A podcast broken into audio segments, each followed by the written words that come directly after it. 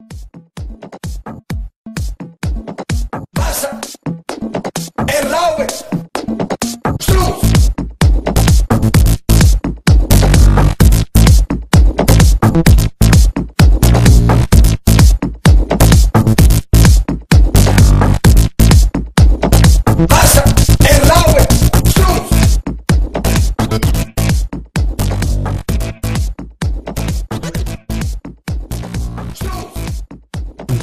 Då säger vi hej och välkomna till det femte avsnittet av Bundesliga-podden. Vi har verkligen kommit igång och idag så är det jag, Adam Nilsson och eh, så är det två stycken som är med. Så vi är en trio. Det är Filip Olin Hej hej! och Andreas Holm. Hallå! Och eh, det har, ja, vi hoppar väl direkt på det. Vi går direkt in på vad som har skett och jag vet att eh, Filip vill ha sina åsikter för att eh, ditt Hamburg inledde helgens Bundesliga-omgång mot Eintracht Frankfurt borta. Och det slutade 0-0. Eh, ja, det stämmer. Det var lite oturligt får man ändå säga. Det kändes som att Hamburg var det bättre laget. Ja, men det, det får man väl faktiskt säga. Hade de klaraste chanserna i alla fall och eh, och ja, de hade väl mest boll och så här också men eh, lyckades helt enkelt inte få till det. Nej, och eh, det betyder att man nu har gått åtta raka matcher utan seger mot Eintracht Frankfurt. En, ett facit man kanske hade velat eh, ändra. Men det finns en del positivt att ta med sig. Mm, nej men absolut. Alltså, inför matchen så kände jag väl mest att jag var nöjd med en poäng. Eh, för som jag sa i förra avsnittet så vinner vi aldrig två matcher i rad. Och det hade jag ju rätt i nu. Eh, men jag kände väl ändå att Frankfurt skulle kunna utmana lite mer. Men, men eh, det, det som man mest kan ta med sig är väl egentligen att vi måste, måste träna avslut helt enkelt. För det är för tamt framför målet. Ja, för att det var inte så att det, det saknades lägen. Nej, definitivt inte. Det var ju både Diomic och Rudnjevs och Sakai hade väl också ett bra läge. Så absolut. Rodnev som är tillbaka och eh, smeknamn Rudi har man med jämna mellanrum nu. Mm, han är ju stekhet får man säga. Men... Det blir problem, blir problem då när uh, Hamburg uh, varvar Rudi då här i sommar. Blir det dubbelt upp? Nu, häng, nu hänger jag inte med Andreas. Nej, det var nog bara en utopi. Om den är Sebastian Rudi. Ja, Ja, du Ah. menade så. Ja, den... Förstod du den Filip? Nej, Det enda som har varit på tapeten i Hamburg nu har ju varit Hagota och Subotic. Så där Ex- hängde jag inte med. Exakt. Jag trodde att eh, Andreas skulle ta upp eh, Subotic-ryktet. Eh, det sägs ju att, eller Hamburg har ju själva gått ut och sagt att de, de kollar på honom. Eh, Andreas, vad, vad tror du om möjligheterna för att eh, Neven Subotic dels lämnar Dortmund sommaren och dels att han hamnar i Hamburg? Eh, jag tror att de är ganska stora. Uh, Subotic har haft en ganska... eh, han har inte haft den rollen som han hade tidigare när han och Mats Hummels var ett givet mittbackspar. Utan Sokratis kom ju in och har ju varit en bättre utav, om man ska jämföra med Subotic då. Eh, Men det är ju en kloppspelare får man ändå säga, Subotic. Ja, det får man absolut säga och jag tror också eh, att han nog anser att han är bättre än vad han är, är ofta också. Han har ju bland annat drog han ju sig ur landslaget eh, för ett par år sedan och eh, på grund av att han var petad vid något tillfälle och hamnade i, o- i, i eh, eh, började bråka med förbundskaptenen där. Eh, jag tror absolut att han kan eh, kan eh, lämna till, eh, till sommaren om- Hamburg har råd att betala. Och det är väl där eh, skon klämmer kanske. Men det måste kännas skönt Filip att man ändå, alltså Subotic det är ju det är inget dåligt namn så det måste ändå vara skönt att se att ambitionerna är ändå rätt höga från Hamburgs sida när det kommer till nyförvärv. Mm, nej men absolut. Subotic, eh, han är kanske inte en av de bästa backarna i ligan men han håller definitivt hög Bundesliga-klass och, eh, och tanken är väl egentligen att han ska ersätta, ersätta Spahic som, eh, som jag tycker har gjort det bra men, men han blir 36 år till sommaren liksom och, och det är väl inte mycket plats för honom för framtiden. Jag läste i dagens, eller ja, så att säga måndagens kicker när det här kommer ut att, att eh, man ändå funderar på att eh, övertala Spahic till att möjligtvis fortsätta ett år om det, om det skulle vara så att man inte hittar någon riktigt bra ersättare. Och det är väl egentligen inte en helt dum idé för känslan är att Sparge ändå liksom är i fysiskt tillräckligt bra form för att kunna fortsätta ett tag till. Ja, nej absolut. Alltså ingenting är ju, är ju bestämt i nuläget och eh, och som du säger så kan han fortsätta som han har gjort denna säsongen så ser jag gärna att han stannar. Men, eh, men som sagt, han, eh, han börjar bli till åren och det är ju inget, det är ingen spelare man kan förlita sig på med tanke på, med tanke på att Hamburg vill bygga nytt och ungt och fräscht. Vad eh, tycker du om den här mediestrategin Andreas, där Hamburg faktiskt går ut och liksom ofta bekräftar att man är intresserad av en spelare. De har varit ute på Twitter och skrivit väldigt tydligt. Är det, är det någonting... Usch, ja. ja, exakt. det, är det, vad, vad känner du kring det? För att jag, jag tycker att det, det är ett annorlunda liksom, grepp. Ja, det är ju väldigt annorlunda men eh, samtidigt, man slipper ju alla spekulationer och, eh, och sådär. Samtidigt så kanske frågorna blir fler och eh, kan ju bli lite pinsamt om man går ut och intresserar sig för alldeles för många spelare och så får man inte en enda av dem. För att om, om Subotic är eller kommer ut på marknaden och, så kommer det definitivt finnas andra, andra intressenter både i Tyskland men kanske också utomlands. Spelar man inte med lite väl öppna kort, Filip? Jo, definitivt. Men sen får man samtidigt, om vi då kollar på vinterns övergångar, både, äh, inte Hagota utan Dirmic och, äh, och Bahoui, så var det inte ett ord i media inför, omgång, eller inför övergångarna. Så, så någonting gör de ju ändå rätt. Så jag vet faktiskt inte vad det är de sysslar med riktigt. Det kanske innebär att de inte alls kommer att värva Subotic då. Nej, men har- exakt. Nej, jag har faktiskt inte en aning. Jag tycker det är märkligt hur som helst. Eh, I vilket fall så kan vi nämna, du har varit inne på Bahoui och Ekdal. Bahoui var inte ens med i truppen och Ekdal satt på bänken i hela matchen. Men Ekdal närmar sig åtminstone en, en comeback. Ja, det får man väl ändå säga. Eh, jag tror faktiskt att han hade fått komma in om, eh, om, det hade, om Hamburg hade tagit ledningen för att försvara den. Men nu blev det istället att man satte in Katja som det sista, som det sista eh, vapnet i hopp om, om att få till ett mål liksom. Men, men ja, kanske redan till nästa helg, jag vet inte. Eintracht Frankfurt, Hamburg 0-0 alltså, fredagens match. Och sen så hade vi ett gäng lördagsmatcher, alla som gick klockan 15.30. Och eh, det fanns eh, några intressanta möten att ta upp där. Vi kan väl börja i, nere i München där eh, Bayern mötte Darmstadt och låg under med 1-0 ett litet tag. Eh, Andreas, eh, trodde du någon gång att Darmstadt, någon gång under matchen att Darmstadt faktiskt skulle kunna skrälla och få med sig åtminstone en poäng och kanske till och med vinsten?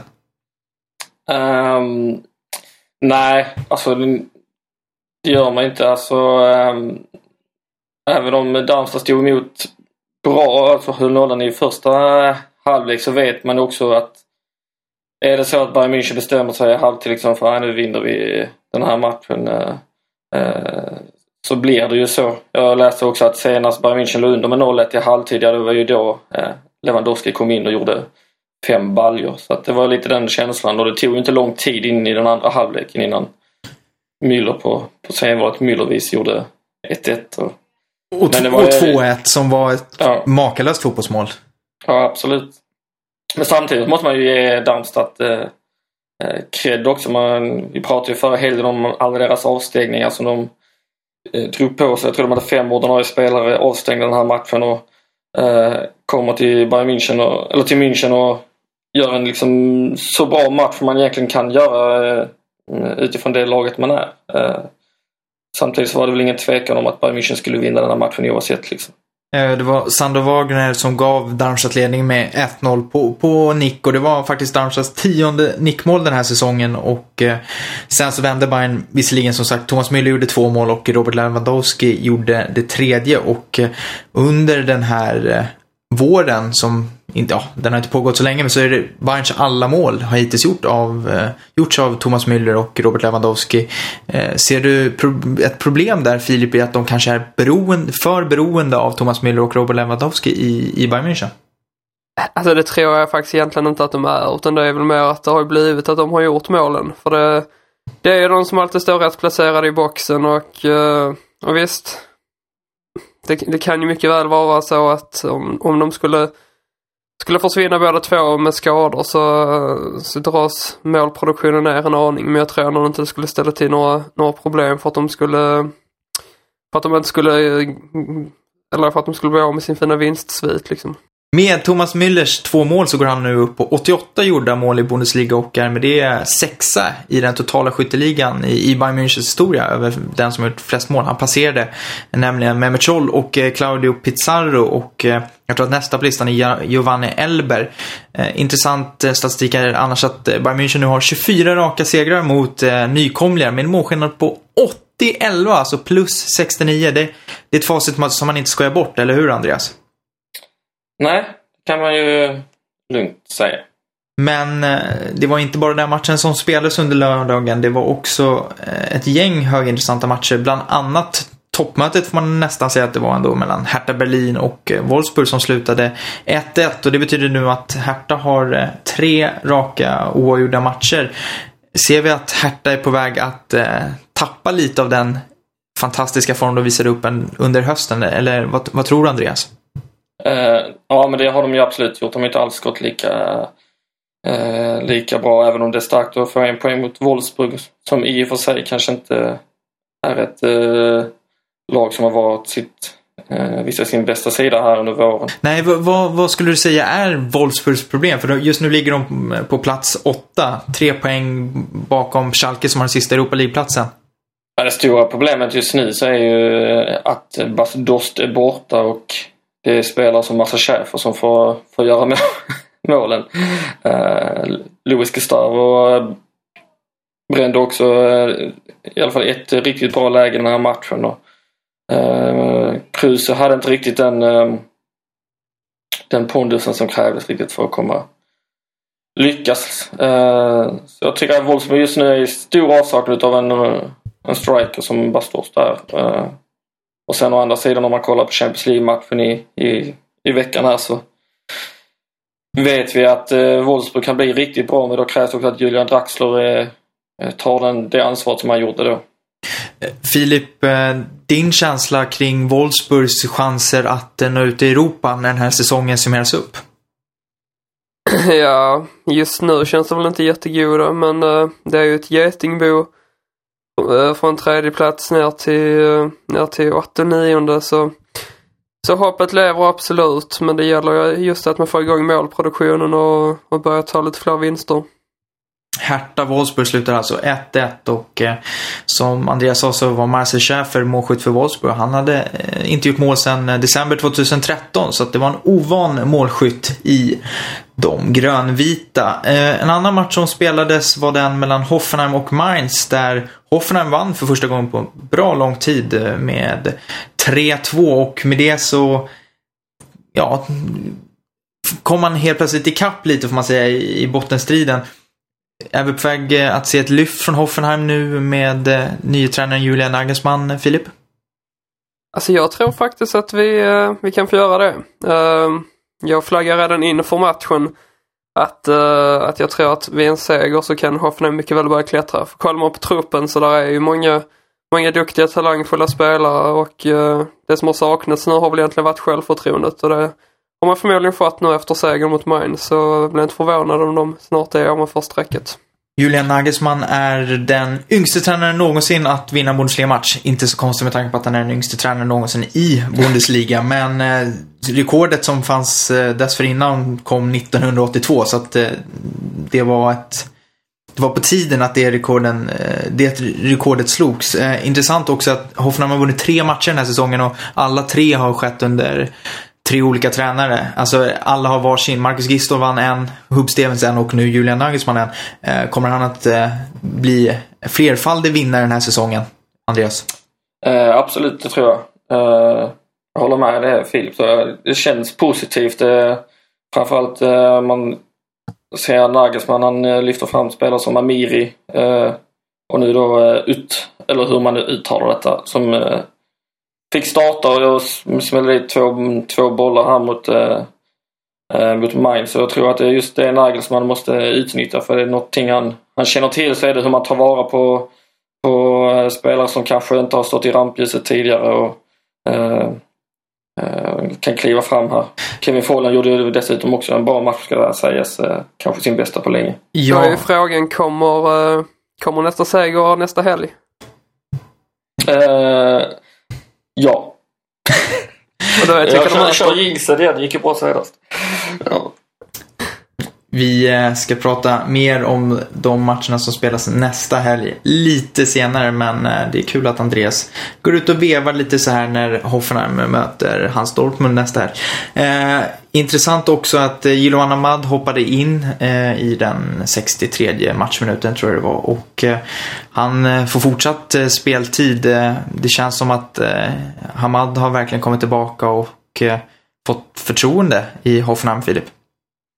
Ja, nej men verkligen. Jag trodde ju faktiskt inte att han, eh, han skulle få så mycket speltid nu efter att ha varit borta i, i närmare ett år. Men, eh, men tji fick jag, eller vad man ska säga. Eh, och han har gjort det bra också dessutom tycker jag. Eller ja, han har inte, han har inte gjort bort sig i alla fall och eh, mina förhoppningar är ju att han ska bli kvar i, i klubben eller i alla fall Bundesliga.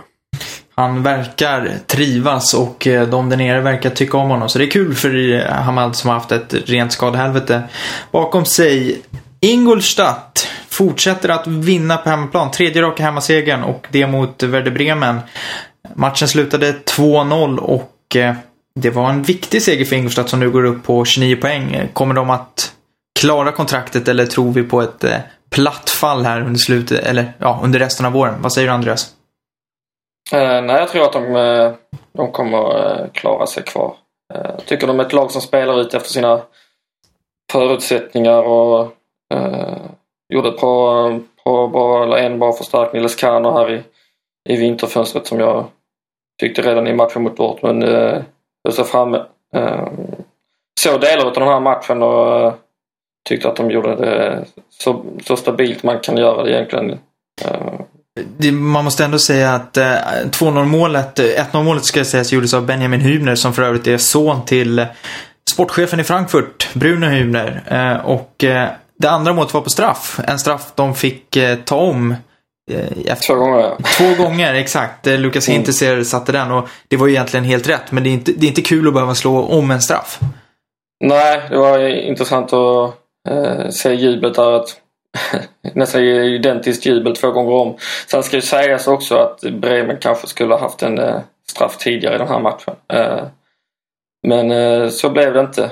Sen så än en gång tycker jag att eh, Widvald känns något osäker mellan stolparna. 22 raka matcher nu i Bundesliga, alltså alla 22 matcher utan att de har lyckats hålla nollan den här säsongen. Bremen ligger på 16 plats, kvalplats just nu på 20 poäng och eh, i och med att Hoffenheim gick och vann så har de bara två poäng eh, upp eh, så att säga till, till, till Bremen, Hoffenheim så att säga. Och det finns väl en rätt stor risk att Bremen faktiskt åker ur, eller vad säger du Filip? Ja, nej men absolut det gör de. Men, men frågan är, är det en match till de måste släppa in mål i för att ta rekordet eller hur var det? Eh, då tangerar de eh, Borussia Mönchengladbachs rekord. Så att, eh, ja. Och de möter Darmstadt med Sandro Wagner. Så att eh, risken är att de faktiskt eh, tangerar det här rekordet. Och det är ett underbetyg utan dess lika. Intressant blir det i vilket fall att, det, ja det ska vi också säga. Bremen har ju inte direkt jättebra facit mot nykomlingar. De har fem raka utan eh, seger mot nykomlingar. Så att det talar ju för att det, det ska gå mindre bra mot Darmstadt. Är det någon match jag har missat nu? Nej, det är, jo, Jo, det har jag visst den viktigaste. Den viktigaste av dem alla har jag missat på lördagen. Eh, derbyt, det, det kanske inte den roligaste matchen rent spelmässigt, men derbyt mellan Borussia Mönchengladbach och Köln där av där Köln-supportrarna fick inte fick minskat antal biljetter till bortasektionen och valde då att inte dyka upp. Eh, jag tror det var 600 eh, Köln-supportrar av drygt 2000 tillgängliga platser som hade sålts där. Eh, och de missade egentligen inget, men jag vet att Köln sa efter att det kändes som en träningsmatch, för de hade inget stöd på läktarna. Gladbach gick och vann med 1-0 och ja, vad ska man säga Filip? Det, det var inget derby på det sättet som man kanske hade hoppats på förhand. Nej, inte på läktaren i alla fall. Kanske inte på planen heller, jag vet inte. Det, det var ju en rättvis seger för Gladbach får man ju säga. Sen att siffrorna inte blev mer än 1-0, det vet jag inte riktigt vad då. Det kändes som att det fanns lägen till mer. Målskytten var ju Mahmoud Dahoud, eh, den här unga supertalangen som gjorde mål tidigt in i matchen efter 9-10 minuter. Man får säga att eh, han är det stora utropstecknet för Gladbach den här säsongen. Mm, Ja. Nej, men absolut. Och det är ju jättekul att se. Det är en spelare som man hoppas kommer, kommer bara växa, växa och, och bli en av de stora affischspelarna i ligan så småningom. Ja, jag håller med. Han, eh, han känns som det, det är namnet kanske pratas mest om i Bundesliga just nu när man pratar om framtida storstjärnor. Han har verkligen eh, eh klivit fram och inte helt överraskande kommit upp som en, en möjlig ersättare till Ilka Gündogan då. Men jag är tveksam till att Borussia Mönchengladbach vill göra en vill eh, ge bort en så pass bra spelare igen som man gjorde när man lät eh, Royce gå till Dortmund. Ja, och eh, intressant nog så var ju eh, Dahoud en spelare som fick chansen när Lucien Favre lämnade. Så att där har ju Anders Schubert verkligen fått fram något extra. Oscar Wendt eh, gjorde, spelade 90 minuter i matchen och eh, Branimir Ergota gjorde sitt klassiska inhopp i den 88 minuten. Eh, det, det, är inte så att man får intrycket av att eh, Branimir kommer bli kvar utan det, det, vi har ju pratat om det tidigare att han är på väg bort men man, ja, som sagt. Han är välkommen hit. Ja, vi får se om det blir Hamburg. Det är väl inte otroligt. På söndagen så hade vi tre matcher och 15.30 så var det helgens kanske liksom stora match man ändå säger mellan Bayer Leverkusen och Borussia Dortmund och Dortmund gick och vann med 1-0 Andreas men det, man får säga att det, det, tog tid innan matchen verkligen levde upp till de förväntningar man hade. Ja. ja, man får väl nästan dela ut det här liksom i den här matchen i två uh, kategorier. Det sportsliga och det inte så sportsliga kanske. Uh, att först och främst så kom ju uh, Tuchel med en startelva som var ganska överraskande. Uh, Royce, Kagawa, Schmelzer satt på bänken och Durm och Leit, Morris Leitner och Christian Pulisic fick starta. Uh, sen var det två riktigt bra försvar i den första halvleken vilket... Ja, de, de manövrerade ut varandra första 45. Ja, det får man verkligen säga. Det var väl ett par målchanser, kanske framförallt Aubameyang precis innan halvtid. Men annars så var det extremt låst och delvis också ett ganska slarvigt eh, spel. Eh, därav så var det kanske inte helt överraskande att Marco Reus kom in i, i halvtid och samtidigt så tvingades Leverkusen ta av Toprak då, som hade sträckt sig tidigare i första halvlek. Eh, de två eh, eh, incidenterna gjorde väl då att det liksom öppnades upp aningen. I den andra halvleken så tog det däremot liksom, det, det tog verkligen fart och målet som skedde ledde ju till scener som man inte ser alla dagar i Bundesliga. Förklara. Ja, det, ja, det, börjar med att uh, Dortmund får en uh, frispark på egen planhalva som uh, Mattias Ginter lägger. Uh, jag tror det var Ginter i alla fall. Det stämmer. 5-6 meter. Ja, det har varit många bud på hur många meter och centimeter det var men det var i alla fall några meter framför där själva frisparken borde ha lagts. Då en sån incident som kanske sker ganska ofta. Eh, och på, det, på den kontringen så blir det då mål var på Roger Schmidt går i taket. Ja, och det som ska sägas är att det, det, det som du säger, det, det, sker på egen planhalva. Det är, det är väldigt nära egen straffområdeslinje. Så det är, frisparken sker inte i ett läge där man tänker att det är en offensiv satsning på det sättet. Eh, men eh, Roger Schmidt går i taket och blir, jag, jag, vet inte, vad blev han uppvisad på läktaren för? Ja men det var, alltså det ska ju sägas då att Roger Schmidt och flera av spelarna i Leverkusen framförallt eh, Chicarito då eh, Wendell kanske som hela tiden var på domare Felix Sverige då. Eh, och till slut så tröttnade väl eh, Sverige då när Roger Schmidt började väsnas och skrika alldeles för mycket vid just det här målet. Och det var ju just det då att när han väl hade fått beskedet eller tecknet att han var utvisad på läktaren så vägrade han att Eh, ta det. Och eh, det som sker då är som sagt att diskussionen som sker, sker inte. Roger Schmidt vill att domaren ska komma till kortlinjen, men domaren vill, för diskussionen med lagkaptenen. Tycker du att domaren gjorde rätt i, i det beslutet Filip, att han inte gick ut i sidlinjen utan han höll, försökte hålla sig så saklig som möjligt och genomföra genomspelaren? Eller borde han ha tagit det med Roger Schmidt på tu man hand? Alltså när man kollade på matchen på TV tyckte man det kändes väldigt dramatiskt. Jag förstod först inte riktigt vad det var som hände. Jag trodde att det var någonting eh, Kiesling hade sagt. Det var, det var ingen som förstod vad som hände. Nej, det var ju verkligen, eh, det, det hör ju inte till vanligheterna. Det var ju bisarra scener liksom. Eh, men, men nu i efterhand känns det väl ändå som att han kanske gjorde rätt om han ville markera mot Schmidt. För, för det var ju väldigt låg nivå på, på Schmidt så att inte, att inte lämna när han blir eh, tillsagd att göra det. Så. Ska jag säga liksom att Schmidt han var inte direkt i det tillståndet han var mottaglig till någon förklaring heller. Han var ju väldigt upprörd liksom. Och Det Mm. blir ju det blir ju lite löjligt också då när man får se att Kiesen går tillbaka till Sverige och, och, och säger väl förmodligen då liksom att nej nu, eh, när han vägrar liksom. Och då säger ju uppenbarligen regelboken liksom att då får man avbryta matchen varpå alla går av planen och ingen fattar varför. Och det som såg så komiskt ut var att Stefan Kiesling såg ut som en travstock och såg verkligen trött ut på att behöva liksom vara mellanhand. Men som sagt, alla spelare går, går av och, vänt, och sen så ser man att det, det väntas. Man filmar in Jogi Löw som står och skrattar på läktaren för han vet inte heller vad som pågår. Det var, det var väldigt mycket sådana scener och till slut så kom Roger Schmidt upp på läktaren och då fortsatte spelet och Dortmund kanske borde ha punkterat efter att det här skedde, för de hade ändå lägen till 2-0. Eh, det hade de absolut. Eh, eh, samtidigt så hade Leverkusen också sina chanser och skulle väl... Eh, det var kanske mer en bedömning då men det var ju en rätt solklar hand kan jag tycka på, på Sokratis eget straffområde. Eh, där Sverige väljer... Det här hände ju bara ett par minuter efter att det hade återupptagits och Sverige väljer att fria. Eh, Ja, det gjorde ju inte situationen bättre. Det var det som blev Nej, snackisen nej, efter precis. liksom. Och Völler. han... Eh, intervjun så efter matchen, en legendarisk intervju som vi nog kommer få se många gånger här eh, framöver när det ska återblickas så ger han väl i alla fall liksom eh, eh misstanken om att det där var Sveriges eh, straff mot Schmidt att inte blåsa straff där. Eh, så tror jag inte det är men det kommer vi inte heller få svar på. Vi har också ett par rätt eh, bra eh, siffror att uppvisa i den här matchen. Dels så var det första gången sedan eh, säsongen 2003, eh, eller 2002-2003 som Bayer Leverkusen går två raka hemmamatcher utan att göra mål. 33 av de 60 Bundesliga-mål som Leverkusen har släppt in under Roger Schmidt har skett till följd av fasta situationer. Att eh, motståndarna har påbörjat med en fast situation eller liknande. Och för Aubameyang som gjorde målet så var det hans 50 mål på 86 Bundesliga-matcher. Ett rätt bra facit får man säga Filip.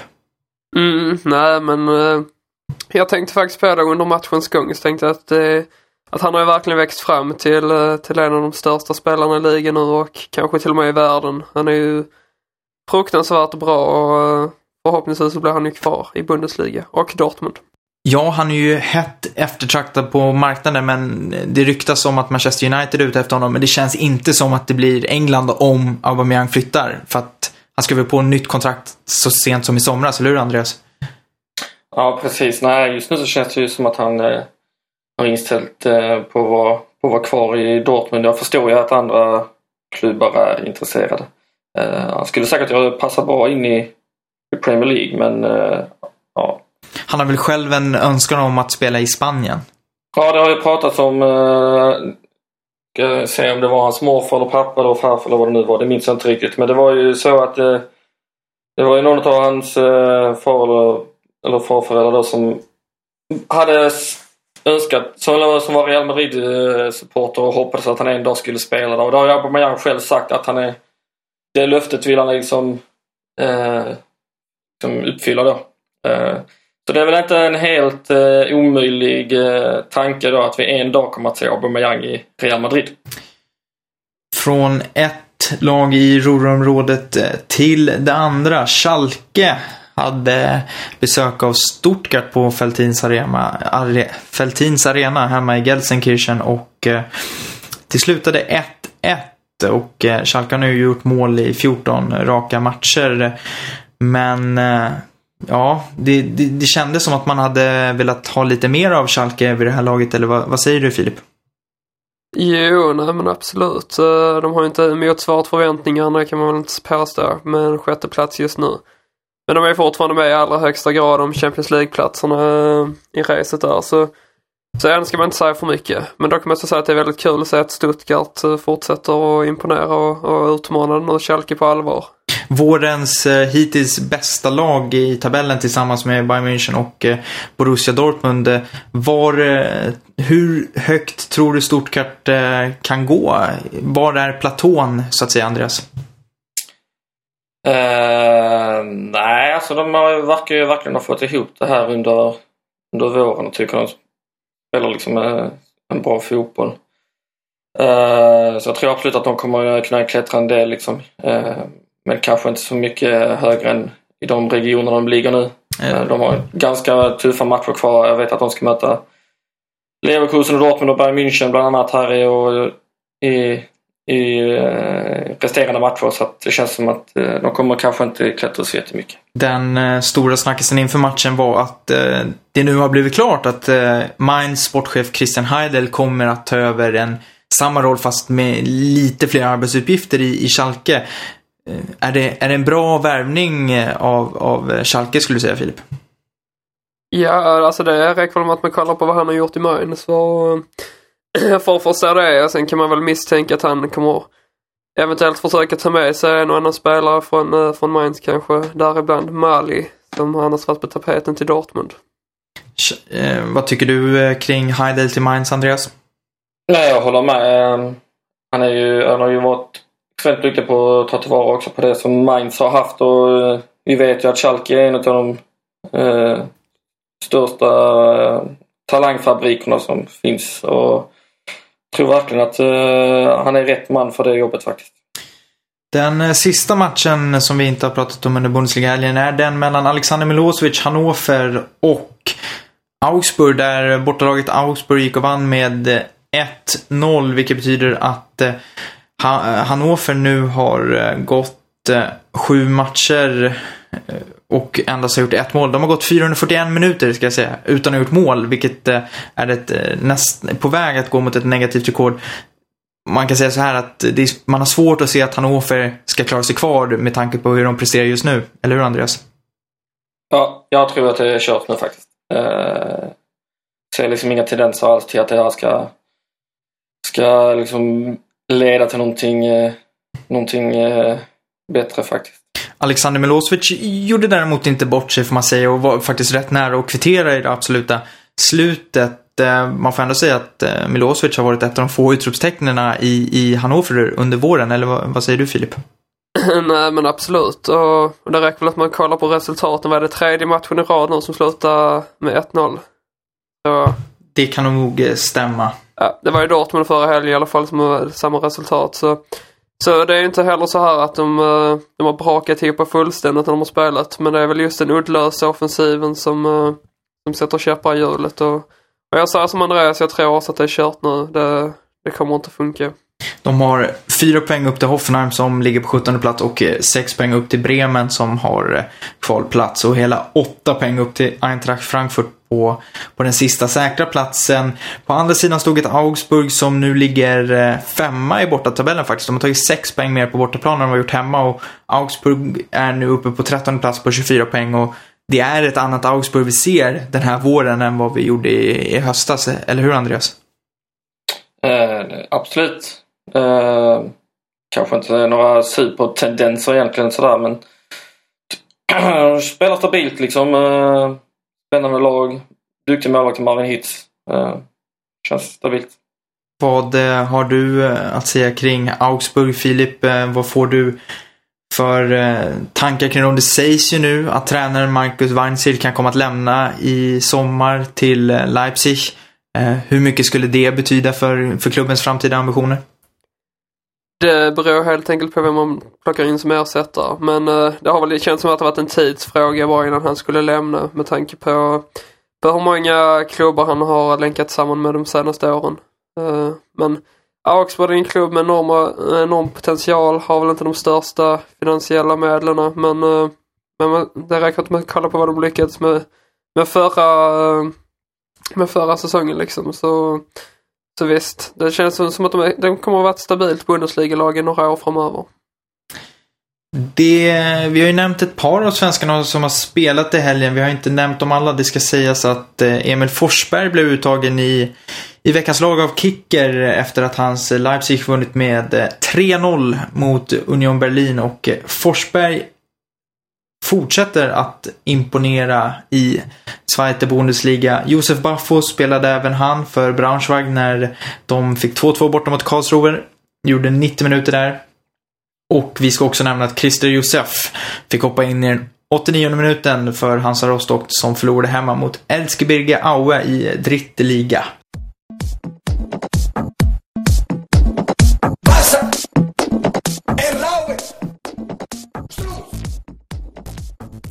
I veckan så har vi ju ett gäng Europamatcher att eh, se fram emot. Men jag tänkte att vi börjar faktiskt med en match som eh, spelades förra veckan och det var den mellan Gent och Wolfsburg i Belgien.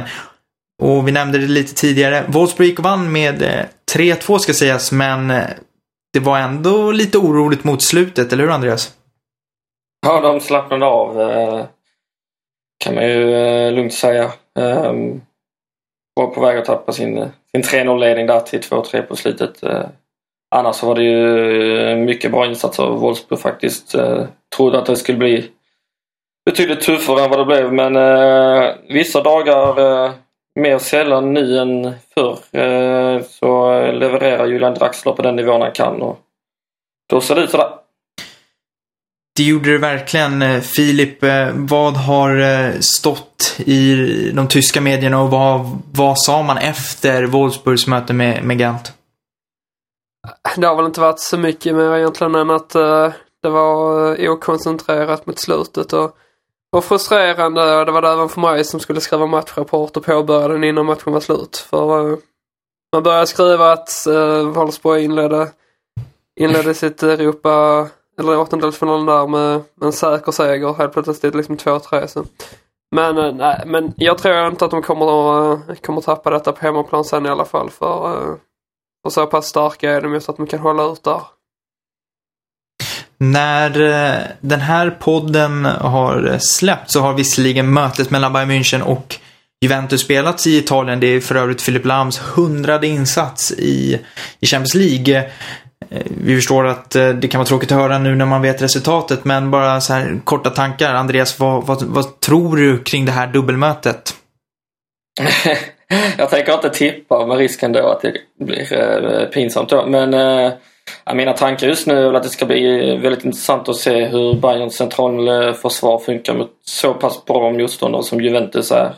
Eh, återstår att se då om, om eh, ja, det blir väl Kimmich då, men vem man kommer att spela med. Eh, det blir eh, det är inget dåligt lag de möter. Eh, jag tror att det kan bli tufft nere i Juventus, eh, men jag tänker inte ge något eh, ge något resultat med risken för att det blir helt fel. Fi- Filip? Nej, jag tror på en jämn matchbild och eh, jag är inte feg så jag säger att Bayern München kommer att vinna med 2-1. Vågat får man ändå säga med tanke på att, som Andreas sa, att de saknar ju... Man vet ju inte vilka som ställer upp i Bayerns backlinje. Nej, men du vet det här gamla slagordet eller slagmeningen att uh, anfall är det bästa försvaret. Det tror jag på i detta fallet. För övrigt eh, så får man säga att eh, jag, jag läste att Paul Breitner hade gått ut och sagt att eh, i Italien så eh, föds alla spelare till att eh, vara försvarare. Fräscht. Fräsch åsikt. Den, den har man aldrig hört förut att Italien är bra på att, italienare är bra på att försvara italienska fotbollslag. Nej, precis. Eh, på torsdag däremot, eh, det vill säga imorgon, eh, så... eh, Ja, eller det är inte alls, men när det här har kommit ut så är det imorgon. Eh, så är det ett gäng Europa League-matcher. Det är ju returmötena och eh, Dortmund mötte ju Porto och stod för en av de absolut bästa insatserna jag sett av Dortmund under Thomas Tuchel när de vann med 2-0. Eller hur Andreas? Ja, De gjorde en jättebra eh, match. Eh, precis som de gjorde i, en cupmatchen mot Stuttgart här veckan. Eh, även om det kanske inte är riktigt samma kaliber på det motståndet. Men det är lite så det känns just nu att Dortmund presterar i cupspelare precis som förra säsongen men inte riktigt i ligaspelet även om de nu vann mot Leverkusen. Så tycker jag inte att det riktigt lossnar i det offensiva eh, spelet. Men det känns väldigt stabilt med 2-0 med sig ner till, till eh, Portugal. Det hade kunnat bli eh, betydligt mer faktiskt. Man har svårt att se att Porto ska kunna vända på det här, eller hur Filip? Ja, nej det blir en gulsvart, uh, ja kanske inte en seger men det blir ett gulsvart avancemang i alla fall. Det lär väl bli lite tuffare nere i Portugal men, uh, men jag tror de reder ut och tar sig vidare helt klart. I det andra tysk-portugisiska mötet så har vi också övertag eh, Tyskland där Bayer Leverkusen vann borta mot Sporting med 1-0. känslan är väl likadan där, att Leverkusen är klara favoriter till att gå vidare, eller hur Filip? Ja, det får man väl säga. Starkt resultat på bortaplan och, och de har liksom ingenting att, uh, att förlora nu. Så, så jag hoppas ju att de, de eh, spelar sina kort rätt och, och gör en bra match mot Sporting. Chicharito tillbaka. Tror du att vi får se honom eh, göra stor skillnad i det här mötet eftersom han inte kunde vara med förra veckan, Andreas? Eh, uh, jag tyckte han gjorde rätt... Uh, han syns ju extremt mycket. Uh, var ju väldigt uh, aktiv i matchen mot Dortmund här. Uh, jag tycker liksom att man ser att han har en extrem vilja och trivs i Leverkusen. Och, så jag tror absolut att han kommer kunna ställa till med ett och annat. Eh, det känns som att Leverkusen kommer reda ut detta mot Sporting. Schalke tar emot ett eh, Shakhtar Donetsk hemma efter att eh, det har slutat 0-0 borta och Schalke hade ju en boll inne som dömdes bort. Vad jag skulle säga felaktigt.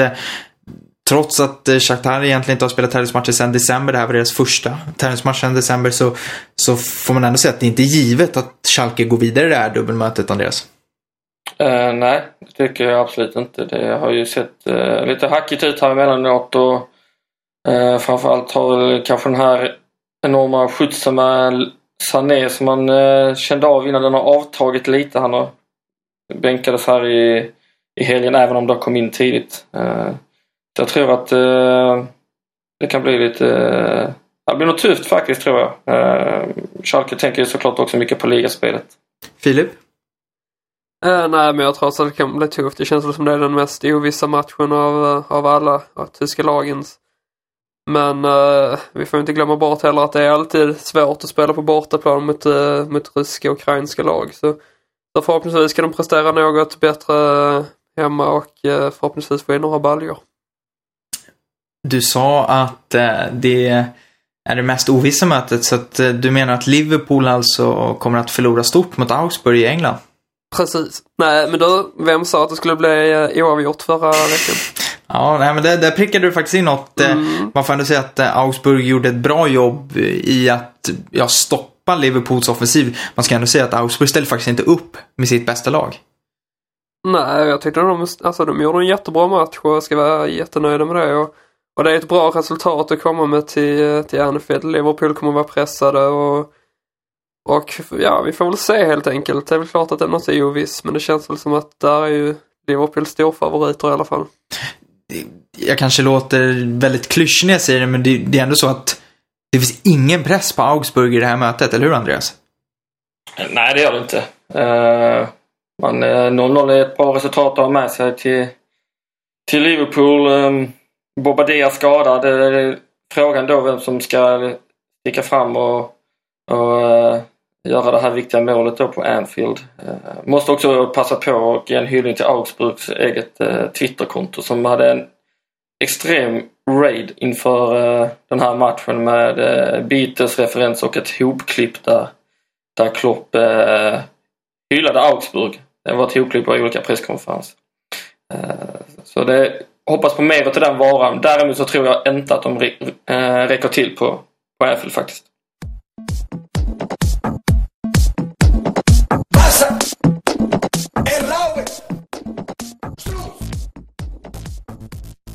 Kommande helg så har vi eh, ett antal högintressanta möten och eh, det börjar med det på fredag mellan de två klassiska klubbarna FC Köln och eh, Hertha Berlin som spelar på Rhein Energiestadion i Köln och ja, det känns ju på förhand som att det skulle kunna sluta 0-0 i den matchen, eller, eller vad säger du Filip? Ja, men jag skulle precis säga det, ett kryss är ju givet i den, så för alla alla speltorskar där ute så är det bara till att sätta ett kryss där. Håller du med oss i, i det, Andreas?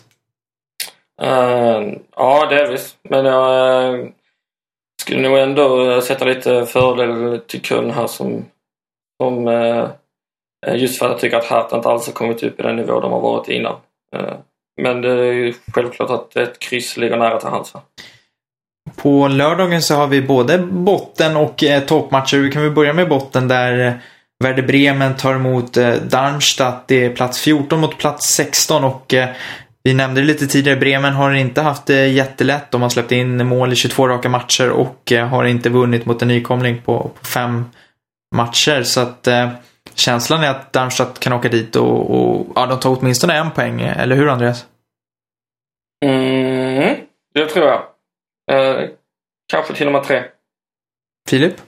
Ja, nej men det tror jag också. Alltså statistiken talar ju för det som du säger och, eh, och det känns som att Darmstadt är det hetaste laget nu. Trots förlust mot, uh, mot Bayern så har man ju så lär man ju ändå uh, ha åkt hem med, med ganska så med gott självförtroende och jag, och jag tror faktiskt att de kommer ta detta. Om man får, får tillbaka fem eh, startspelare som var avstängda mot Bayern München. Så att eh, Precis. Det blir ett litet... Frågan är ju bara om de eh, får chansen nu efter matchen i München. Ja, kval kvalitativt lyft inför Bremen-matchen för Darmstadt. eh, Ett annat möte som kanske, man, man ska väl aldrig säga att det är sista chansen, men Hannover åker till Stuttgart och nu behövs det verkligen poäng, men jag har, jag har svårt att se att Hannover ska kunna ta poäng mot Stuttgart. Eh, Vad tror du om den matchen, Andreas? Eh, ja, det tror jag också. är- Som sagt, jag ser inget... Som jag sa innan så ser jag liksom inte att de är på väg, eh, på väg framåt eller uppåt på något sätt. Liksom. Och, eh, de har väl i och för sig varit bättre på bortaplan knappt den här säsongen. Men eh, tr- tror de har tagit ett par poäng mer där. Eh, Det stämmer, de har tagit två poäng mer på bortaplan än vad de gjort på hemmaplan. Men det ska säga att Stuttgart är vårens hittills bästa lag och Hannover är vårens sämsta lag. Sen är det ju så att alla trender har ju ett stopp liksom. Eh, Stuttgart brukar ju avsluta trender med att riktigt falla igenom emellanåt. Eh, däremot tror jag att de kommer kunna hålla den uppe mot, mot eh, Hannover. Håller du med om den eh, åsikten, Filip? Ja, jag tycker det var spännande det här med att alla trender har ett slut, för det, det stämmer ju. Eh, och det känns som att detta är väl en sån här typisk match som ett, uh, ett trend, eh, en trendbrytande, eller vad fan man, en brytning av trenden skulle kunna ske. Men, uh, men nej, det blir 1-0 till Stuttgart. Det, formen håller i sig för Hannover. Ditt eh, Hamburg tar emot eh, Ingolstadt. Ska du vara på plats?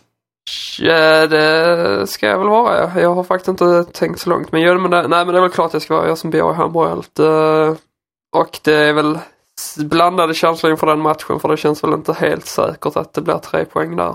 Det är väl det är ingen enkel uppgift? Definitivt inte. Eh, uh, Ingolstadt har ju varit, det kan ha varit den största positiva överraskningen. uh, I alla fall om man kollar den nedre delen av tabellen. Och, uh, och de är ju fruktansvärt defensiva och Hamburg kunde inte göra mål på ett Frankfurt som, är, som har släppt in fruktansvärt mycket mål denna säsongen. Så jag är väldigt kluven till att det kommer bli ett lyckligt slut för HSV. Andreas som varken håller på Hamburg eller Ingolstadt. Eh, vad säger din objektiva åsikt kring det här mötet? Uh, jag tror att vi kommer få att se ett uh, Hamburg som har ett ganska rejält uh, spelövertag. Men som kommer få kämpa hårt för att ta sig igenom Ingolstads uh, defensiva spel. Jag tror de kommer falla väldigt långt uh, bakåt här på, i Hamburg. Så det är väl... Eh, ja, jag tror att Ingolstadt kanske kan knipa en poäng men är det något lag som vinner så tror jag att det är Hamburg. Och så har vi ju mötet mellan Wolfsburg och Bayern München. De som såg den matchen förra året kanske kommer ihåg att Wolfsburg verkligen körde över Bayern München och vann med 4-1. Små chanser att eh, det skulle hända igen, eller hur Filip? Ja, jag har däremot höstens uh, match färskt i minnet och tänker väl att något liknande skulle kunna ske. Känns som att Bayern är ju fruktansvärt bra just nu. Uh, och ja. Nej, men jag tror det blir en seger för Bayern helt klart. Men eh, de har ju faktiskt eh, Champions League-match i veckan, Bayern München. Tror du det kan spela in i hur det slutar på lördag, Andreas? Ja, det tror jag. De kommer ju självklart att lägga allt krut här nu på, på tisdagens match. Och, samtidigt har ju Wolfsburg sitt att tänka på och har inte alls visat några eh, positiva eh, vibbar i ligaspelet. Och fördelen är väl att de har hemmaplan då men de, eh, jag har ytterst svårt att se att de ska kunna leverera något sånt som de levererade i höstas. Wolfsburg har faktiskt bara förlorat en hemmamatch under hela säsongen, men det är ändå Bayern München som kommer på besök. På söndagen så har vi hela fyra matcher. Eh, det brukar vanligtvis vara två, men eh, nu är det många lag som är i Europa League och då, då sprider man ut det och eh, det börjar med mötet 15.30 mellan Augsburg och Mönchengladbach och ett Augsburg som kommer från en bortaresa i Liverpool är trots hemmaplan långt ifrån favoriter i det här mötet, Andreas. Mm, ja, det, det tycker jag nog.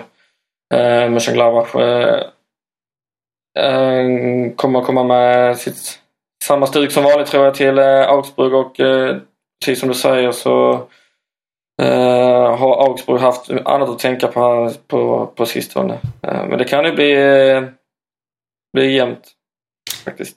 Leverkusen åker till Mainz och det är ändå ett Mainz som ligger på sjunde plats just nu och ett Leverkusen på fjärde plats. Så det är nästan ett toppmöte.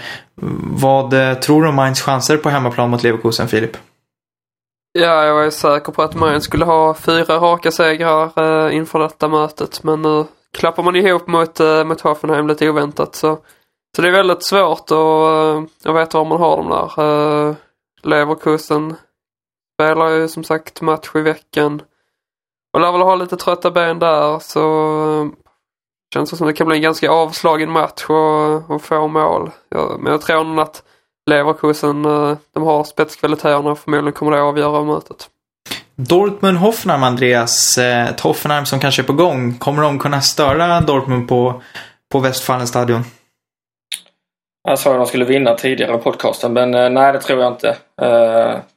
Dortmund hemma det, det känns, känns stabilt även om det har hänt att Hoffenheim har varit det starkare laget där också. Eh, som det ser ut nu så, så tror jag helt enkelt inte att Hoffenheim eh, räcker till och det känns som att Dortmund ändå att formkurvan pekar något utåt här så att eh, tuff match i Portugal till trots så, så tror jag att de kommer vinna.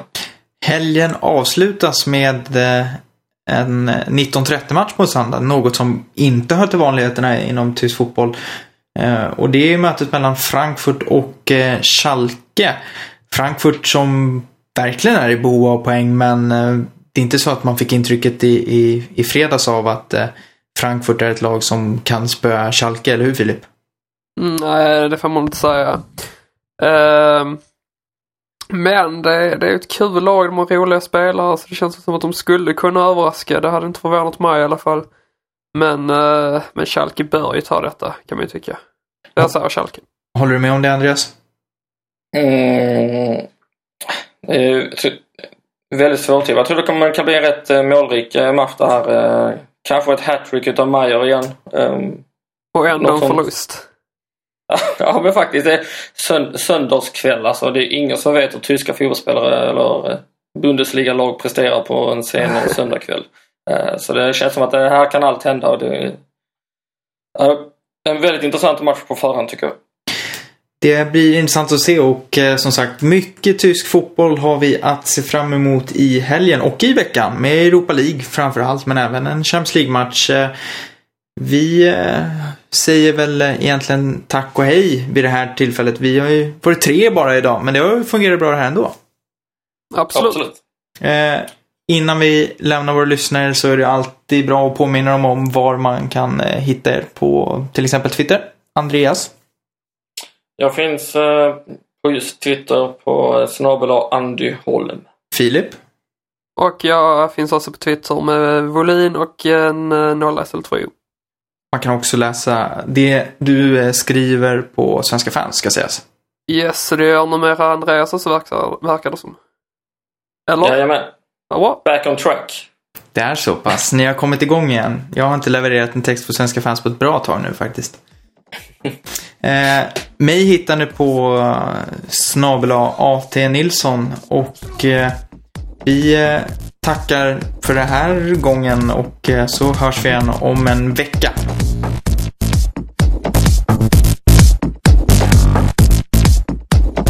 Basta!